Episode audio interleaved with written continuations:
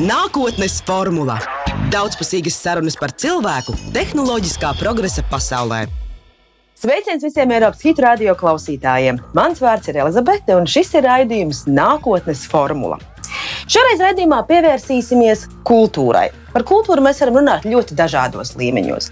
Tāds pirmais un visiem pieņemamais un saprotamais ir kultūra norišu līmenī. Pasākumi, koncerti, teātris, izrādes, opera, viss tas, ko mēs saprotam ar aktīvu kultūras dzīvi. Bet tālāk kultūra jau kļūst nedaudz sarežģītāka. Mēs varam runāt par kultūru kontekstā ar mūsu reģionālo un nacionālo piedarību. Mēs varam runāt par kultūru kā par dzīves mākslu, mūsu audzinātību, gaumi, mūsu izvēles. Mēs varam runāt par kultūru arī kā pret pretstatu dabai. Tātad visu to, ko cilvēks jebkad ir domājis un darījis. Bet šodien Iedziļināsimies kultūras ilgspējas jautājumos un saskarsmē ar sabiedrību. Tāpēc studijā esmu aicinājusi Solvitu Kresi, Latvijas laikmatīgās mākslas centra direktoru. Sveicināti, Solvita! Sveiki. Paldies, ka atradāt laiku paviesoties pie mums nākotnes formulas uh, raidījumā un EHR studijā. Jā, varbūt mums nav jāmežģās cauri visiem tiem sarežģītiem kultūras, kultūras definīcijas līkločiem. Sāksim ar to visiem zināmo un saprotamo līmeni, kas ir tāda kultūras dzīve šajā norišu un pieredzes kontekstā. Kāda nozīme ir šādai kultūras dzīvei, jebkurā sabiedrībā? Jā, nu jūs jau minējāt neskaitāmās kultūras definīcijas, un par kultūru ir iespējams runāt tik dažādos veidos, vai drīzāk apskatīt šo parādību vai šo fenomenu no tik dažādām pusēm. Tā kā pat grūti saprast, kuru no šīm pusēm vai kuru no šiem fokusiem izvēlēties. Bet man ir pēdējā laikā tāds, e, tāda ļoti tāda izteiksmīga metāfora, kas man ir galvā. Nu, jā, ka cilvēki domā, nu, kas tad ir tā kultūra? Jā, nu, ne viņi tur var tā ēst, ne tur viņa netraucē elpot, viņa netraucē tur dzīvot. Kā, bet man liekas, ka kultūra ir tā kā tādā ķermenī. Nu, tev, Nu, tu redzi, ka tev sāp galva, tu redzi, ka tev sāp kāja vai sāp roka, un tad tu kaut kā saproti, par ko ir runa un kas ir jāārstē vai kam jāpievērš uzmanība. Bet man gribētos teikt, ka kultūra ir tā tāda asinsrite, ka mēs viņu nejūtam un viņi savieno visas tās ķermeņa daļas un ļauj tam ķermenim funkcionēt. Un, ja mēs apturam šo asinsriti, tad vienkārši mēs jau zinām, kas, kas notiek, ka šis ķermenis neizdzīvo. Jā, man liekas, tā kultūra ir tāds viss cauraudoša, nu, tāda klātesoša lieta, tāds pavadiens, kas caurauž visas dzīves sfēras. Un daudz cilvēku jau to nepamana. Viņi nepamana, ka tas pats mobilais telefons ir kultūras radīts produkts, kad, kad jebkas, ko mēs lietojam, karotes, čīvis, tas ir dizains vai reklāma, vidas reklāma, ejot pa ielu, vai vidas noformējums. Tas viss ir kultūras radīts produkts, kurā mēs vienkārši dzīvojam, peldamies tādā ūdenī un nejūtam, ka tas ir kaut kā radīts. Bet kāda vispār ir ar šo Latvijas kultūras dzīvi? Ir ārkārtīgi dažādi viedokļi un ārkārtīgi arī tās subjektīvās, individuālās izjūtas cilvēkiem. Kāda, jūsuprāt, ir Latvijas kultūras dzīve, vai mēs varam runāt par daudzveidīgu, piesātinātu, bagātu kultūras dzīvi Latvijas, Latvijas jā, valstī?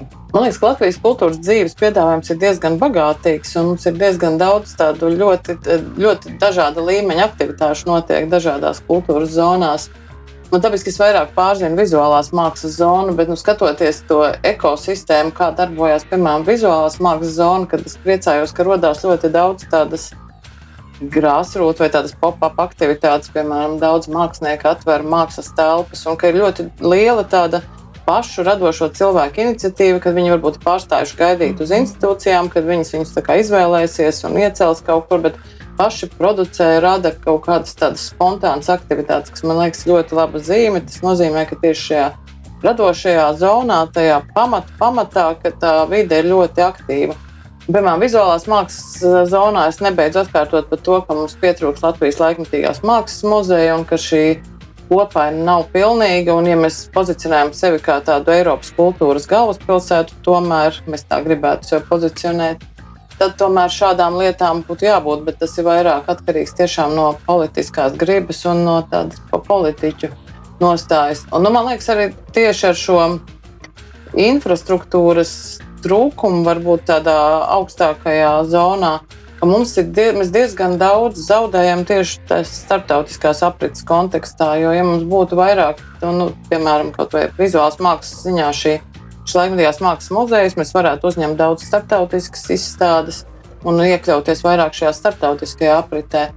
Es, ne, es neesmu tik kompetenta komentēt varbūt par pārējām kultūras zonām, bet man liekas, jā, kad ir kad varbūt pietrūkst vēl tādu stipru spēlētāju daudzās kultūras zonās, kas ļautu tiešām Rīgai, Latvijai iekļūt tajā pasaules mākslas kartē kā vienam no tādiem pamanāmiem kultūras punktiem par kultūras saikni ar kultūrālu sabiedrību. Vai uh, plašs un daudzveidīgs kultūras piedāvājums automātiski mūs novada pie šīs kultūrālās sabiedrības, ja mēs ar to saprotam sabiedrību, kas ir atvērta nezinu, dažādībai, kas ir pieklājīga viena pret otru komunikācijā, kas vispār māca tā komunikācijas kaut kādas mākslas un prasmes un tā tālāk. Teiksim, visu, ko šis plašais jēdziens kultūrāls sevī var ietvert tādā pozitīvā ziņā. Nenoliedzami cilvēki, kas apmeklē kultūras pasākumus vai kas darbojas šajā kultūras zonā, nenoliedzami viņiem ir šī pieredze, kas veicina gan šo toleranci sabiedrībā, gan, gan piedāvā dažādas pieredzes un kaut kādas ar neierastākas pieredzes, kas arī veicina viņu tādu atvērtāku komunikāciju arī nu, ikdienas, ikdienas dzīvē. Bet te, man liekas, lielais jautājums ir par šo kultūras pieejamību. Jo nav noslēpums, ka tie aktīvie kultūras apmeklētāji Rīgā vismaz ir, kas cirkulē no viena pasākuma uz otru, apmēram 2000 cilvēku. Diemžēl tā tas apmēram ir. Un man liekas, ka būtu daudz vairāk jādomā par šo kultūras pieejamību, lai tie cilvēki, kur uzskata, ka viņi bez kultūras var iztikt, viņi varbūt nemaz netiek klāt šai kultūrai. Un es domāju, cilvēks, kas varbūt ir arī maznodrošināti, un arī nu, cilvēkus, kas varbūt pat neatbrauc uz to Rīgas centru. Cits aspekts par šo mākslas medēšanu, piemēram, ka laikmetīgās mākslas zonā arī daudzreiz cilvēki samulst. Vienkārši viņi ienāk šajā izstādē, un viņi tā kā neko nesaprot, un tas nav viņiem, un kā tad viņi to tagad. Nu, ka, nu, ka viņi īsti nejūtās gaidīt un nesaprot, kā šo mākslu piedzīvot. Un, piemēram, mēs arī darbinām šo mediatoru programmu, kur cilvēki, dažādu profesiju, dažādu vecumu pārstāvi, viņi sarunājās ar apmeklētājiem un ja caur šo sarunu iedrošina cilvēku kādā veidā iepazīt šo mākslas pieredzi. Jā, pieejamība arī tiešām cilvēkiem arī ar dažādām funkcionālām problēmām. Nu, piemēram, mums tagad strādā meitene ratiņkrēslā, birojā. Un mums ir milzīgas problēmas nodrošināt viņai pieeju tām pasākumu vietām, kur mēs organizējam pasākumus. Kas vēl būtu tās problēmas, kas, kas raksturo mūsu kultūras telpu? Man liekas, arī tas kultūras novērtējums kopējā tautsājumniecības kontekstā. Jo, ja mēs redzam, kāds ir piemēram kultūras darbinieku atalgojums, kaut vai tajā pašā Nacionālajā mākslas muzejā vai arī tajā pašā kultūras ministrijā, redzam, ka šis atalgojums ir daudzas reizes mazāks nekā līdzīgas profesijas, tāda līdzvērtīga ieņemamo amatu pārstāvjiem citās nozarēs. Es domāju, nu, kā tas tā vēsturiski ir izveidojies. Un, nu, piemēram, Nacionālās mākslas muzeja direktora apmēram saņem tādu pašu algu kā vidēji ranga ierēdnis kaut kādā citā ministrijā. Bet, nu, jā, tur ir tas paradoks, ka daudzi kultūras darbinieki vai kultūras zonā strādājoši cilvēki, ka viņiem tas darbs ir viņu misija. Tas ir viņu dzīvesveids, viņi vienkārši nevar iedomāties savu dzīvi dzīvojot savādāk. Un tad daudz kur šī izvēle, ka dzīvot tādu dzīvi, kā es vēlos, un piepildīt arī šo dzīvi ar šo misijas apziņu, nospēlēt tādā, tādā virzienā, ka viņi ir gatavi to darīt par daudz mazāku atalgojumu Nu, tas kaut kāds tāds paradoks, kas īstenībā jau pat arī kultūras ekonomikā ir tīri teorētiskā līmenī aprakstīts, nu, ka tirgus un sistēmas izmanto šo ārkārtīgi lielo cilvēku entuziasmu. Kas tad būtu tas veids, kā varbūt tās nezinu, paši kultūras cilvēki varētu mēģināt šo sistēmu ietekmēt un pievērst sev kaut kādā veidā uzmanību un, un, un teiksim, tā, uh, iemācīt gan sabiedrību plašākā mērogā, gan arī naudas dalītājus, varbūt novērtēt šo procesu nozīmi. Jā, nu šī sajūta man ir ļoti pazīstama ar katru jaunu valdību vai katru jaunu Rīgas domas iesaukumu. Nu, es saskaros ar šo situāciju, ka es kopā ar kolēģiem tieši no laikmatīgās kultūras nevalstisko organizāciju sektora, ka mēs ejam un stāstam, ka tādi mēs esam, mēs darām to un to, un tas ir vajadzīgs tieši tāpēc, lai, lai šeit vispār kaut kas, lai cilvēki brauktu uz šejienes, lai viņiem šeit būtu patīkami, lai viņi šeit investētu, lai viņi šeit paliktu, lai izvēlētos Rīgu kā savu dzīves telpu. Ir veikti jau diezgan, nu, pasaulē ir neskaitami pētījumi par šo šo aspektu veikti, kur mēs rēķinām šo kultūras atgriezenisko saiti un atdevi tieši tajā tautsājumniecības aspektā, kas ir gan, gan turisma nozarē, gan darba vietu nodrošināšana, gan izglītība. Tā kā pat rēķinot pat ciparos, ko parasti grib dzirdēt tieši finanses ministrija, viņi saka uzreiz, nu, ciparos pasakiet to visu. Un tas pats atkal laikmatīgās mākslas muzejs nesošais. Nu, ja mums būtu šāds muzejs, es domāju, mums atkristu ļoti daudz jautājumu. Nu, piemēram, es nedomāju, ka cilvēki daudz diskutētu par Brektas sienas zīmējumu, ja viņi būtu aizgājuši apskatījušies, kāda ir šī mākslas attīstība, kas notiek šeit un pasaulē. Un arī būtu politiķis vieglāk aizvest uz turieni un rādīt, nu, kā, tas, kā tas viss izskatās. Kas ir tie galvenie darbi, ko veids kultūra, vai vispār ir vēl kāds cits spēks, kurš vai nu ciešā sakabē veic šo kopdarbu, vai arī var izdarīt šo darbu kultūras vietā? Man liekas, ka nu, kultūrā ir milzīgi daudz tie, tie, tie darbi, ko viņi veic. Tā mēs varam noformulēt. Un, kā jau es te visu laiku iezīmēju, ka kultūra ir tā tāds pavadiens, kas savieno dažādas disciplīnas. Nu, kultūra tiešām ir tāds, eh, tāda platforma, teritorija, kurā tu vari uzdot jautājumus un pārjautāt dažādas lietas. Nu, piemēram, ko jau mēs iepriekš pieminējām, kad Lai veidotu tādu tolerantu sabiedrību, tad kultūra ir ļoti laba platforma, lai runātu par dažādiem sarežģītiem, nērtiem jautājumiem, un kas, piemēram, vai politiķiem vai kādiem citu nozaru speciālistiem varbūt pat nebūtu iespējams. Kultūra to var darīt arī bez vārdiem, ar pašiem par integrācijas lietām vai, vai kaut kādu homofobiju. Kultūra ļoti produktīvi var kaut kādā veidā šos jautājumus cilāt, testēt, meklēt atbildes, meklēt risinājumus. Nu, arī tāpat pieminētā garīgā veselība, man liekas, kultūra ir. Nu, tur, nu, nu, mēs ļoti redzam, kā izplatās mākslas terapija, kā tas tiek likts lietā dažādi, cilvēkiem ar dažādām diagnozēm. Bet kultūra tiešām rada šo mentālo komfortu cilvēkam un kādu tādu sajūtu, ka viņš kaut kādā veidā vieglāk var atrasties šajā diezgan diskomfortablajā mm. pasaulē. Un, nu, dabiski izglītība, jā, nu, kultūra, kā caur, caur izglītību, kā, kā cilvēki var uztvert pasauli, kā viņi var izglītoties. Nu, tagad mēs arī redzam, ka kultūra ļoti daudz saskarās gan ar zinātni. Tieši inovāciju zonā, ka ļoti daudz zinātnieku strādā ar māksliniekiem, lai varbūt izdarītu kaut kādus negaidītākus, drosmīgus risinājumus. Nu, kultūra un medicīnas, jau pieminēja kultūra un izglītība. Nu, es teiktu, jā, arī kultūra un finanses droši vien, ka tur ir daudz, daudz kaut kāda pārklājuma, bet nu, kultūra un ekonomika viennozīmīgi. Nu, mm. Turisms un arī citas nozares jau, jau pilnīgi tur mēs redzam šo miedarbību un atgriezenisko saiti. Raidījuma nosaukums ir nākotnes formula, kā rezultātā es vienmēr visiem saviem viesiem prasu par to nākotnes vīziju. Kas varbūt tās ir tā kultūras definīcija un tā loma, kas vēl tagad tikai formējas, kur varbūt eh, jums kā laikmatīgās mākslas cilvēkam varbūt ir jau tāda vīzija par tādiem pirmajiem iedīgļiem, varbūt kultūrai, kādu funkciju, lomu un nozīmi tā spēlēs sabiedrībā pēc 10, 20, varbūt 50 gadiem, uz ko mēs ejam kultūras dzīvēm jā, nu, tāda iztēloties. Man liekas, ka kul, man gribētos redzēt, ka kultūra ir tā, nu, ka kultūra ir tā nākotnes domāšanas forma, kad cilvēks nevarētu veidot tādu kaut kādu savu domas, domu formu. Tā, ja tā varētu teikt, kad, kad man gribētos, ka šī kultūra sakņojās cilvēka domāšanā, Un kad arī tās pieredzes, ko viņš veido, tās nāk caur kultūru. Un arī, protams, ka šī kultūra ir pieejama visiem. Tas, kā mēs jau pieskārāmies mm. agrāk, kultūru var, ka pieslēgumu šai kultūrai var dabūt jebkurš sabiedrības loceklis un veidot šo savu domāšanas telpu caur kultūru. Un man liekas, ka tas varētu ļoti palīdzēt sabiedrībai būt labākai, iekļaujošākai, iecietīgākai, tolerējošākai.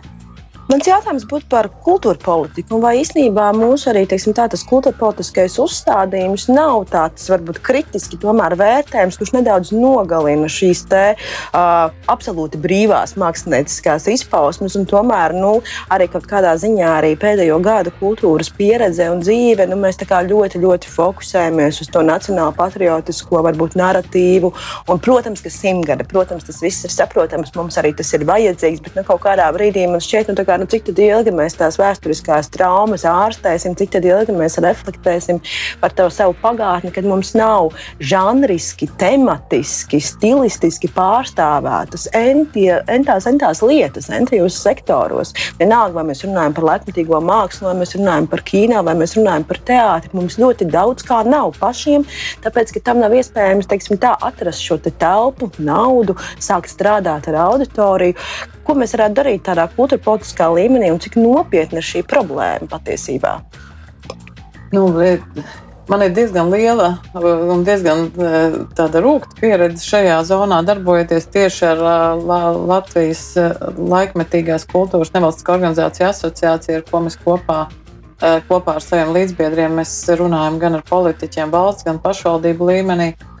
Nu, milzu vilšanās bija tagad jaunās kultūra politikas vadlīnijas, kas ir no 20, jau 21. 27. gads, nākamais nu, vidēji termiņa plānošanas dokuments, kurš sākās ar uzstādījumiem, kas tad ir Latvijas, Latvijas, latviskā kultūra un kas ir balstīts tādā patos dzīves ziņas tēlojumā, latviskās dzīves ziņas tēlojumā. Un, kad notika šī vadlīnija apspriešana, mēs ar kolēģiem tieši vērsam šo uzmanību, ka tādā veidā pozicionējot kultūru, uh, Mēs nevaram vispār cerēt, iekļūt kaut kādā. Mēs vispār nebūvējam modernu sabiedrību, mēs nebūvējam kaut kādu modernu, tādu mūsdienīgu kultūras definīciju. Mēs visu laiku skatāmies atpakaļ un vēl joprojām piņķerējamies ar savu nacionālo identitāti un būvējam kaut kādus jaunus mūsu nacionālās identitātes mītus. Bet nu, tam ir diezgan vienkārši izskaidrojums. Kultūras ministrija vienmēr ir bijusi Nacionālās apvienības pārziņā, un Nacionālās, Nacionālā apvienība vienmēr iet ar šo savu lozungu. Viņi ir apzinājušies, ka kultūra ir diezgan spēcīgs rupors, ar ko viņi var izpausties. Un, nezinu, kamēr, kamēr viņi neveidos kaut kādu plašāku sadarbību ar nu, nezinu, tādiem brīvāk domājošiem cilvēkiem vai mūsdienīgāk domājošiem cilvēkiem, tad tur mēs vis, visu laiku atradīsimies. Un Rīgas domē ir līdzīga. Rīgas domē vispār nav tādas skaidras kultūra politikas. Tagad patreiz apspriešanā ir Rīgas domas nākamā perioda attīstības plāns, kur kultūra ir iezīmēta nu, kā pašdarbība, kā, kā apgājums, kas ir labi. Un arī visu laiku tiek runāts par mazajām bibliotekām, kas tad kļūst par kultūras centriem. Šajā Rīgas pilsētas attīstības plānā ir vērojama vispār šo nu, ir diezgan liela neizpratne, kā vispār funkcionē kultūra šajā pilsētā un ko ar to visu darīt. Un, un kad varētu nu, kaut kādai proporcijai būt jābūt starp šo pašdarbības kultūras zonu un starp profesionālo zonu, bet viņas nav. Jo nu, mēs nevaram būvēt Rīgu tiešām kā tādu kultūras galvaspilsētu, atbalstot tikai pašdarbības teātrus un, un teātrus pulciņus. Un, mm un visu šo segmentu, kas ir ļoti būtisks sabiedrības iesaistīšanā, kultūras procesos, bet, lai spērtu soli tālāk, mums ir jāskatās, kas notiek profesionālo kultūru. Profesionālajai kultūrai pieejami tikai šie konkursi, kurā tu vari iesniegt projektu, bet nav šī, šīs programmatiskā atbalsta. Es ļoti kritiski vērtēju abas, gan valsts līmeņa, gan pilsētas līmeņa stratēģijas nākamajiem plānošanas periodiem kultūras jomā. Un, Liekas, ka pietrūkst, pietrūkst kaut kāda tāda lielā plāna. Piemēram, Rīgas pilsētas ietvaros, man liekas, ka tur vispār tās nodaļas departamenti nesarunājās savā starpā, kad nav. To viņi nekad nav darījuši. Nē, nu tagad gribētos cerēt, ka ar jauno domu ir varbūt viss ir labāk. Nu, jācer, ka viņi vēl nav ieskrējušies. Bet, nu, jā, man liekas, ka ir tāda politikas līmenī ir diezgan liela neizpratne, vai drīzāk tāds ilgtermiņa stratēģijas trūkums, ka vai nu tā ir tiešām visu laiku tāda mītīšanās ap to nacionālo identitāti un nemitīga tāda kļūdu izdarīšana integrācijas politikas virzienā, kas nebūtu neveicina integrāciju.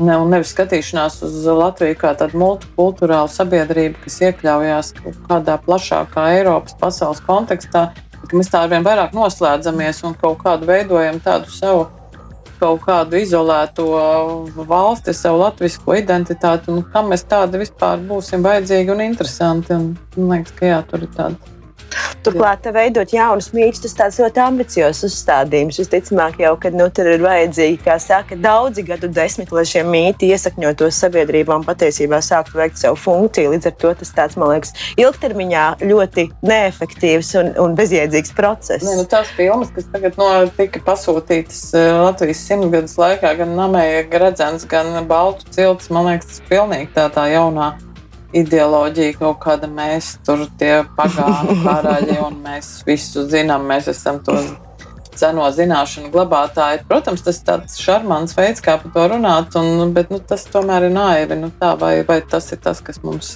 tagad ir jā, jādara, vai varbūt mums savādāk jāveido šie mīti, ja reiz mēs to gribam darīt. Kas ir tie pozitīvie piemēri? Nezinu, varbūt pašvaldību līmenī, varbūt uh, Latvija nav tikai Rīga, varbūt uh, jums ir kāda pieredze vai kāda saskarsme ar, ar, ar, ar cilvēkiem, organizācijām, pilsētām, kuras ir izdarījušas labus darbus, lai, lai tomēr tiktu tālāk solis priekšu.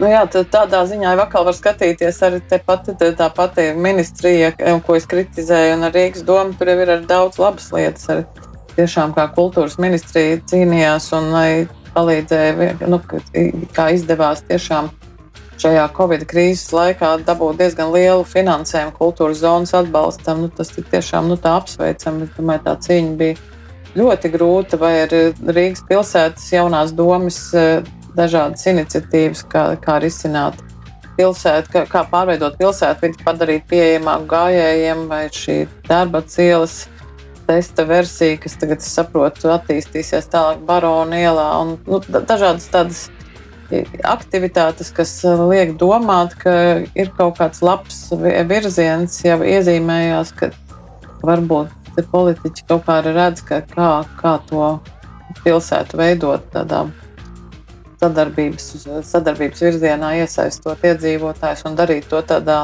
labā un profesionālā veidā, nevis tikai tādā tūdaļiņa, tāgadiņa virzienā.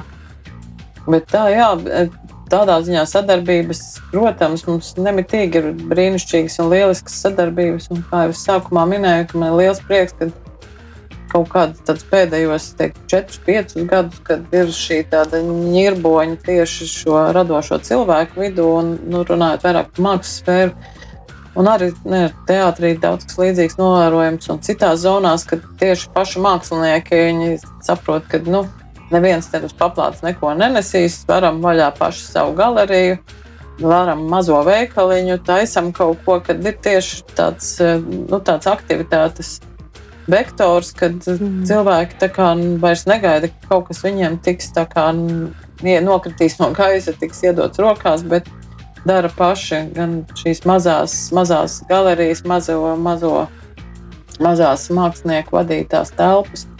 Tas man ļoti iepriecina. Jā, arī tā, man liekas, ka tajā pirmajā Covid vilnī vai tajā pirmajā pandēmijas vilnī, kad bija tāda milzīga tāda solidaritāte vērojama arī kultūras cilvēku vidū. Jā, otrais pandēmijas vilnis kaut kā ļoti savādāk aizgāja. Tur kaut kā tiešām, man liekas, tas nogurums un izmisums un un kaut kāda tāda bezcerība izsita ārā drīzāk kaut kādas tādas negācijas. Bet tiešām tajā pandēmijas vilnī man likās, ka oh, ir iespējams būvēt kaut kādus jaunus sadarbības tādus veidus, kad ir tik tādi, nu, kad cilvēki kaut kā ir atkāpušies no sava ego un gatavi sadarboties dažādas sfēras, dažādi mākslinieki, dažādas institūcijas. Nu jā, ka tāda sadarbība varētu būt kaut kā varbūt vairāk.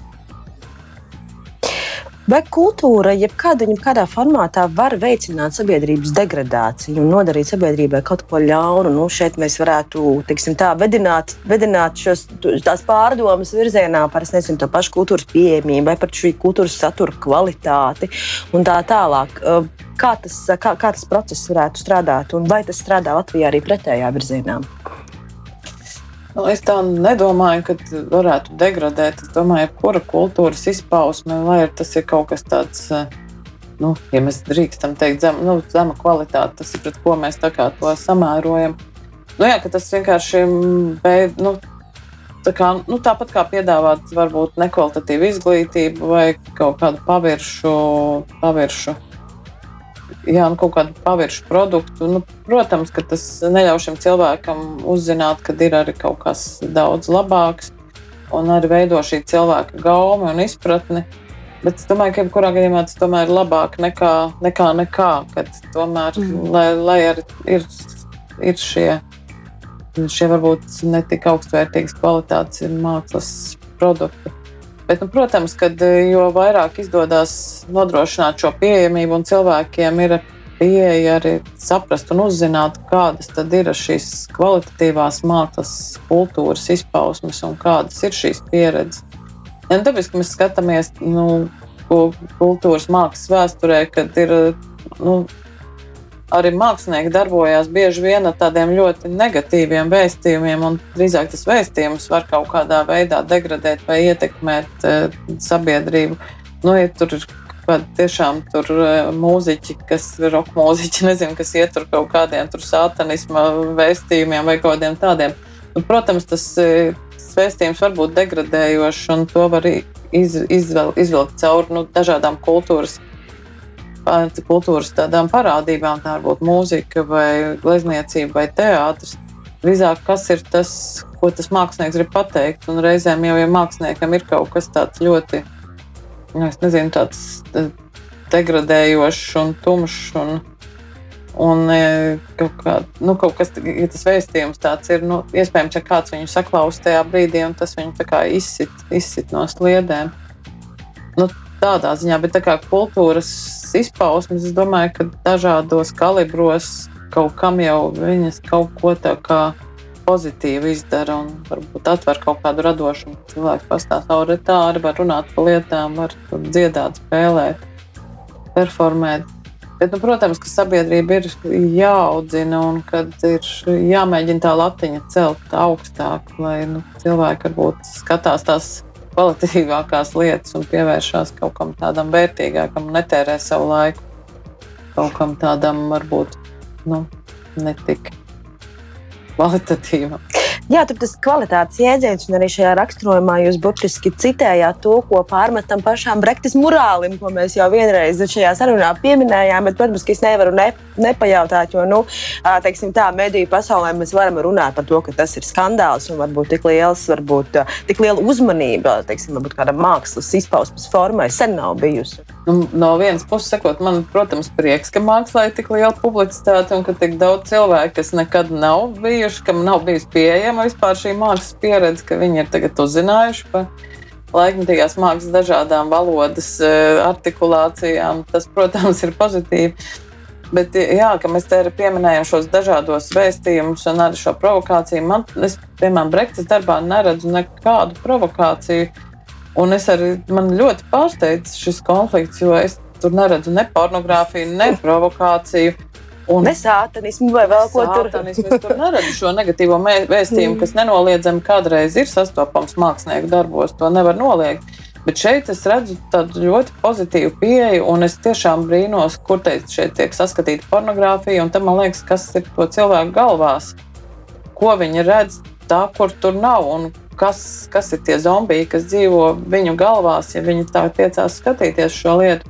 Tad es aicinātu viņus paskatīties tiešām savu bērnu tur, eh, interneta lietošanas vēsturē, un tad man liekas, tā, tā, to, ko viņi tur ieraudzīs, tas pat nav salīdzināms ar Brekta zīmējumu. Es domāju, varbūt pusauģi, varbūt vecuma tieši, kas jau skatās visādas šausmu filmas, pilnas ar vardarbību, ar, nu, nezinu, pornogrāfiju, varbūt gluži nē, bet, nu, teiksim, mūsu mēdīņu telpa ir daudz reizes, eh, miljonus reizes piesātinātāka ar dažādiem vardarbību, pornogrāfiju, visu, visu negatīvo proponējošiem attēliem vai pieredzēm, ko tie mūsu bērni, nu, diemžēl, patērē. Un šis ir tiešām nu, tāds, man liekas, pat eh, ļoti tāds. Savā ziņā pat tāds naivs, eh, nu, tāds, eh, jā, nu, humora pilns ir arī uz eh, dialogu aicinošs piedāvājums no mākslinieka puses. Man tiešām ir pārsteigums, ka tas tā ir izvērsies. To, ko es gribētu teikt, kad eh, varbūt pietrūkst šīs sarunas pirms tam, ko es jau minēju arī iepriekš, kad ir. Kad, ko ar mēs laikmatīgās mākslas centrā ļoti cenšamies veidot šo sarunu skatītāju jo mums nepatīk tā situācija, ka skatītājs atnāk uz šo izstādi vai ierauga šo mākslas darbu, un viņš jūtas tā kā. Nu, ka viņš tā kā liekas, tā kā nesaprot, par ko tur ir, vai viņš jūtas tā kā izsmiets, tā kā piemānīts, tā kā izprovocēts, kas tur nebūtu nav tajā mākslas darbā.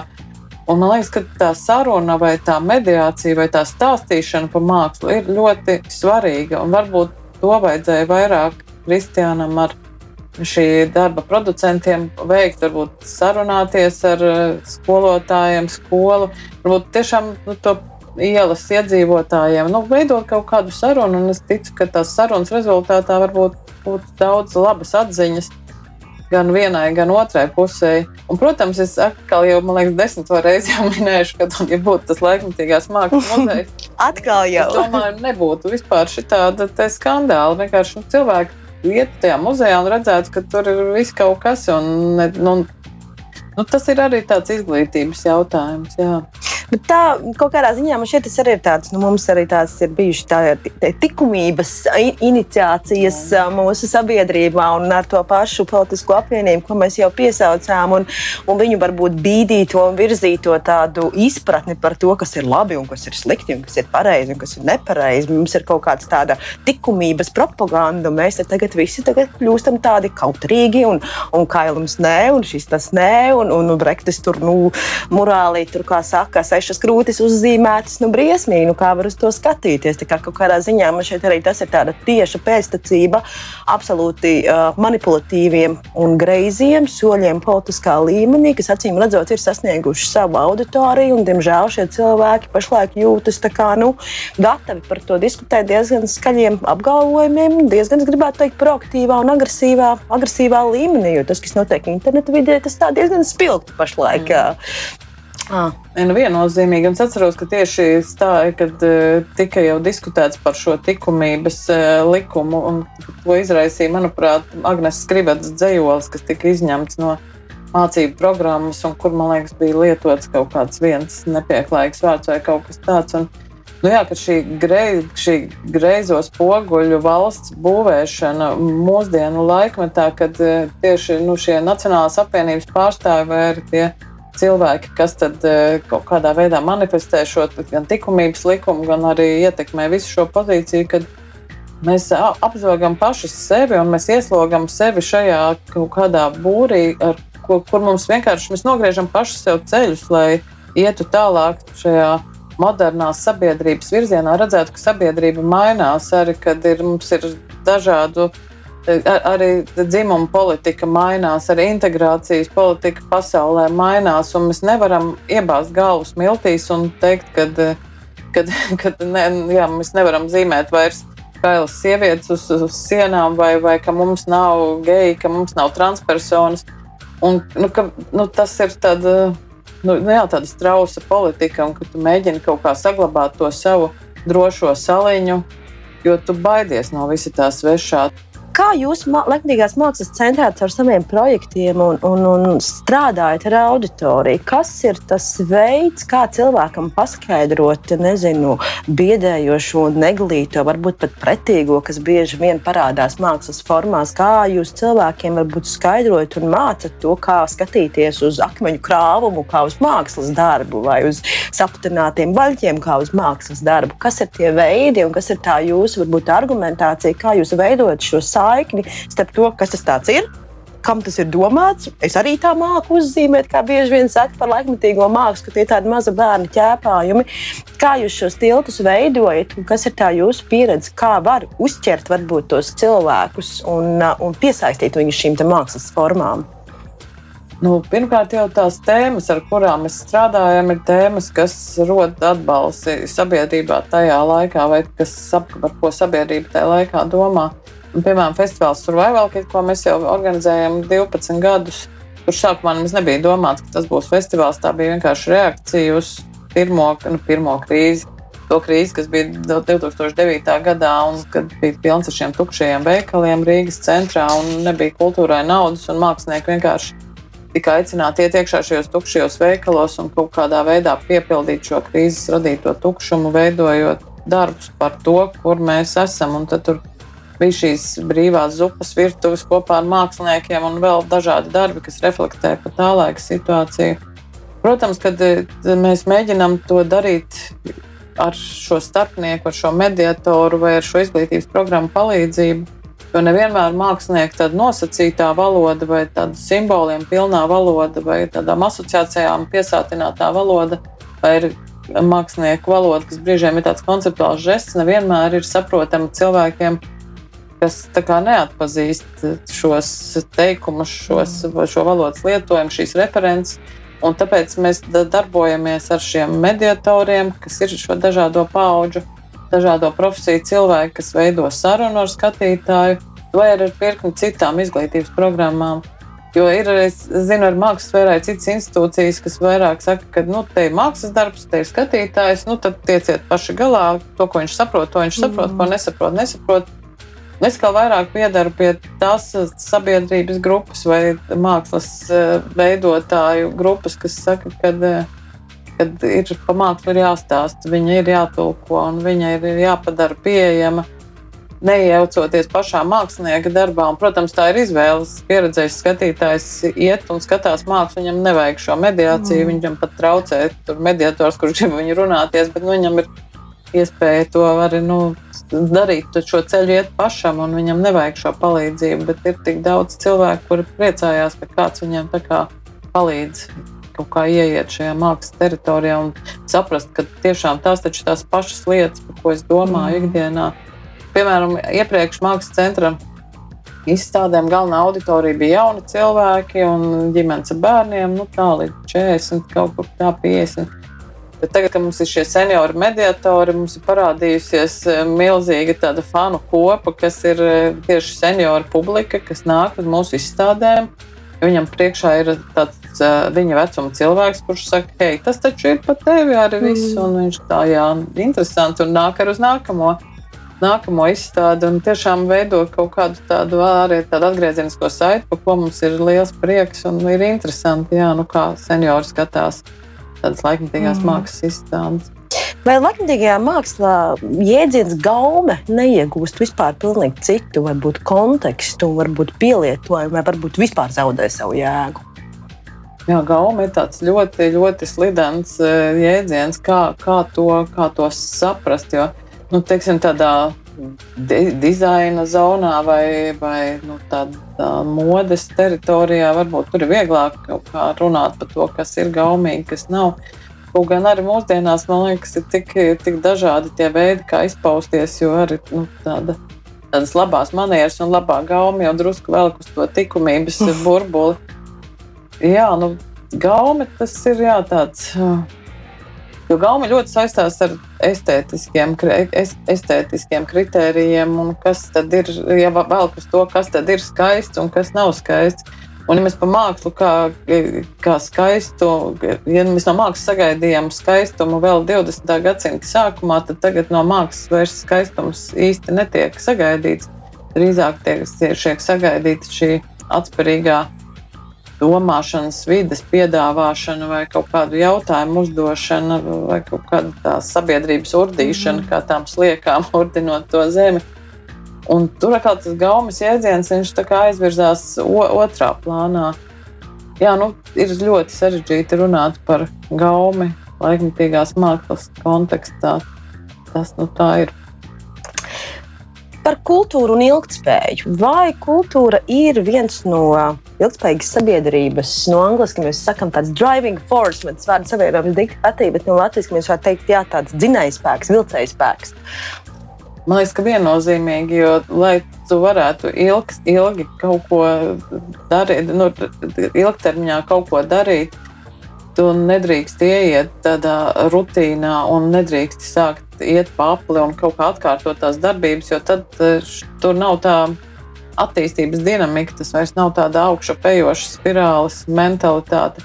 Un, man liekas, tieši kultūra ir tā, kas kaut kādā veidā caur inovācijām, caur tādu radošo domāšanu, kritisko domāšanu panāk to, ka tu neej atkal apli un neej tajā rutīnas aplī, bet ka tu kaut kādā veidā tiec uz to nākamo apli un kad ir šī izaugsmes, attīstības dinamika, ka tā nav tikai tāda nu, ražošanas vai kaut kāda producēšanas dinamika, kas vienkārši nu, atkārto visu laiku mm. pati sevi. Kad kultūrai tieši tas, tas leciens tā kā tādā nākamajā līmenī ir ļoti svarīgs. Nu, kaut vai sadarbībā ar citām nozarēm, zinātnē, medicīnu, izglītību, ekonomiku. Man liekas, ka tā kultūra ir tas dzirkstele vai tas dzinējspēks, kas piešķir kaut kādu to nākamo virzību. Ko jūs saprotat ar jēdzienu kultūras inovācijas vai inovācijas kultūrā? Jūs vairākas reizes to pieminējāt. Kā jūs saprotat to kultūras pasaulē? Nu, kultūras pasaulē tās ir kaut kādas šīs jaunās pieredzes, vai šie jaunie instrumenti, vai šīs jaunās uh, metodes. Tu vienkārši ne, neapstājies tajā pašā ierastajā ceļā, ja tu to darīsi visu laiku tādā ierastā veidā. Un tad vai nu tu mm, ej ar kaut kādiem jauniem risinājumiem, vai tie ir kaut kādi jauni vēstījumi, bet vairāk tieši tās jaunās metodes. Tas ir par to, ka tu kaut ko izdomā kaut kādā kādā jaunā veidā, un bieži vien tas notiek kopā ar, ar zinātniekiem vai kaut kādu citu profesiju pārstāvjiem. Noslēgumā viena atsauce uz ANO ilgspējīgas attīstības mērķiem. Es viņus bieži vien piesaucu raidījumā, jo tāpēc, ka, nu, tas ir tāds varbūt lielais ilgspējas tāds ABC, kas ietver visas šīs di dimensijas, gan politisko, gan ekonomisko, gan sociālo. Un, Lai cik tas paradoxāli nebūtu, šis dokuments ir uzrakstīts praktiski nepieminot kultūras jēdzienu. Kāpēc, jūsuprāt, tik traki ir noticis? Un vai jūs varētu nezinu, piekrist vai pareflektēt par apgalvojumu, ka varbūt kultūra tādā ilgspējas kontekstā ir pelnījusi pati savu pīlāru, ka mums nav jārunā tikai par to, kādas mazas, mazas darbības kultūra ietekmē ekonomikā, sociālajā vai vidas jautājumu, teiksim, tā, komunikācijā un realizācijā. Varbūt kultūra īstenībā ir vēl ceturtā dimensija, un tāpēc, tāpēc, tāpēc viņi nekur nav pieminēti tas ir kaut kas fundamentāls, kam būtu jābūt šajā kopējā bildē klātesošam. Nu, tas jūsu pieminētais piemērs man galīgi nepārsteidz, jo ar kaut ko līdzīgu mēs saskaramies gan uh, valsts, valsts attīstības plāna ietveros, kur tiešām mums ir kultūras darbiniekiem jācīnās par katru vāru, katru reizi, kad kultūru izdodas kaut kur iesprāst, kaut kur starp ekonomiku, tur politiku un dažādām citām, tur, nu, īstenībā tā iestrādāt šajā tautsājumniecības kaut kādā kontekstā. Bet, nu, kaut kā visu laiku šai sarunai man iet cauri tiešām tā metāfora, ko es sāku šo sarunu. Ka, man liekas, tā kultūra ir tāds caurvijošs mehānisms, kas arī kā tā asinsrite, ka viņa kļūst tā kā nemanāma. Nu, viņa tur ir, nu, un, ah, aizmirsām pieminēt. Nu, viņa taču kaut kur te ir, vai ir, mēs lielākos nepamanām, ka viņa tur ir. Un tur es gribētu piekrist, ka šis atsevišķi, šī atsevišķā nodaļa vai šis atsevišķais pīlārs vai kaut kas tādā veidā būtu svarīgi, lai atgādinātu, ka, ka tā kultūra ir ir neiz, ne, neatņemama sabiedrības dzīvotspēka, dzīves sastāvdaļa, un ka tā ir tā asins rita. Un, un, jo mēs vairāk aizmirstam viņu kaut vai vienu vārdu pieminēt dažādos tautsājumniecības vai, vai kādos segmentos vai kādos politiskos dokumentos, mēs vienkārši kaut kādā veidā nu, darām. Nu, Darām ļoti tādu, izdarām ļoti tādu bīstamu soli, ka mēs varam vienkārši aizmirst, ka vienā brīdī mums šī asinsrite var izbeigties un viss var sabrukt. Vienkārši. Noslēdzot mūsu sarunu, jūs varbūt ceļavārdi vai vēlējums cilvēkiem saskarsmē šoreiz ar laikmatīgo kultūru, jo ar to skaisto un pareizo un likumisko un nacionālo kultūru mēs jau tā kā tiekam galā. Līdz 20. gadsimta sākumam mēs tīri labi saprotam, kas ir kultūra un kas nav, un kas ir māksla un kas nav. Un arī ar to nacionālo patriotismu šķiet, ka mēs jau gana daudz esam investējuši gan resursus, gan enerģiju, lai tas būtu taptu un mēs zinātu savas tautas un nācijas narratīvu ceļu vārdi laikmatīgās kultūras pasaulē? Nu, es gribētu aicināt cilvēkus nebaidīties, doties iekšā šajā laikmatīgās kultūras teritorijā. Es varu apsolīt, ka tā ir interesanta pieredze un noderīga pieredze. Un galvenais ir nebaidīties. Kā ieniet šajā laikmatīgā kultūrā, un noteikti tas kaut ko jaunu dos un piedāvās kaut kādu jaunu pieredzi, kas palīdzēs tālāk tikt ar daudzām citām lietām galā. Paldies par šīs dienas sarunu! Paldies! Nākotnes formulā viesojās Solvita Krese, laikmetīgās mākslas centra vadītāja. laikmatīgās nepareizi pateicu, vai ne? Nē, pareizi, pareizi. Latvijas laikmatīgās mākslas centra vadītāja. Bet, nu, tas... Es varu vēlreiz ierunāt. EHR studijā viesojās Solvita Krese, Latvijas laikmatīgās mākslas centra vadītāja. Paldies jums, ka skatījāties un klausījāties! Līdz nākamajai reizei! Projektu finansē Nacionālo elektronisko plašsaziņas līdzekļu padome no sabiedriskā pasūtījuma līdzekļiem.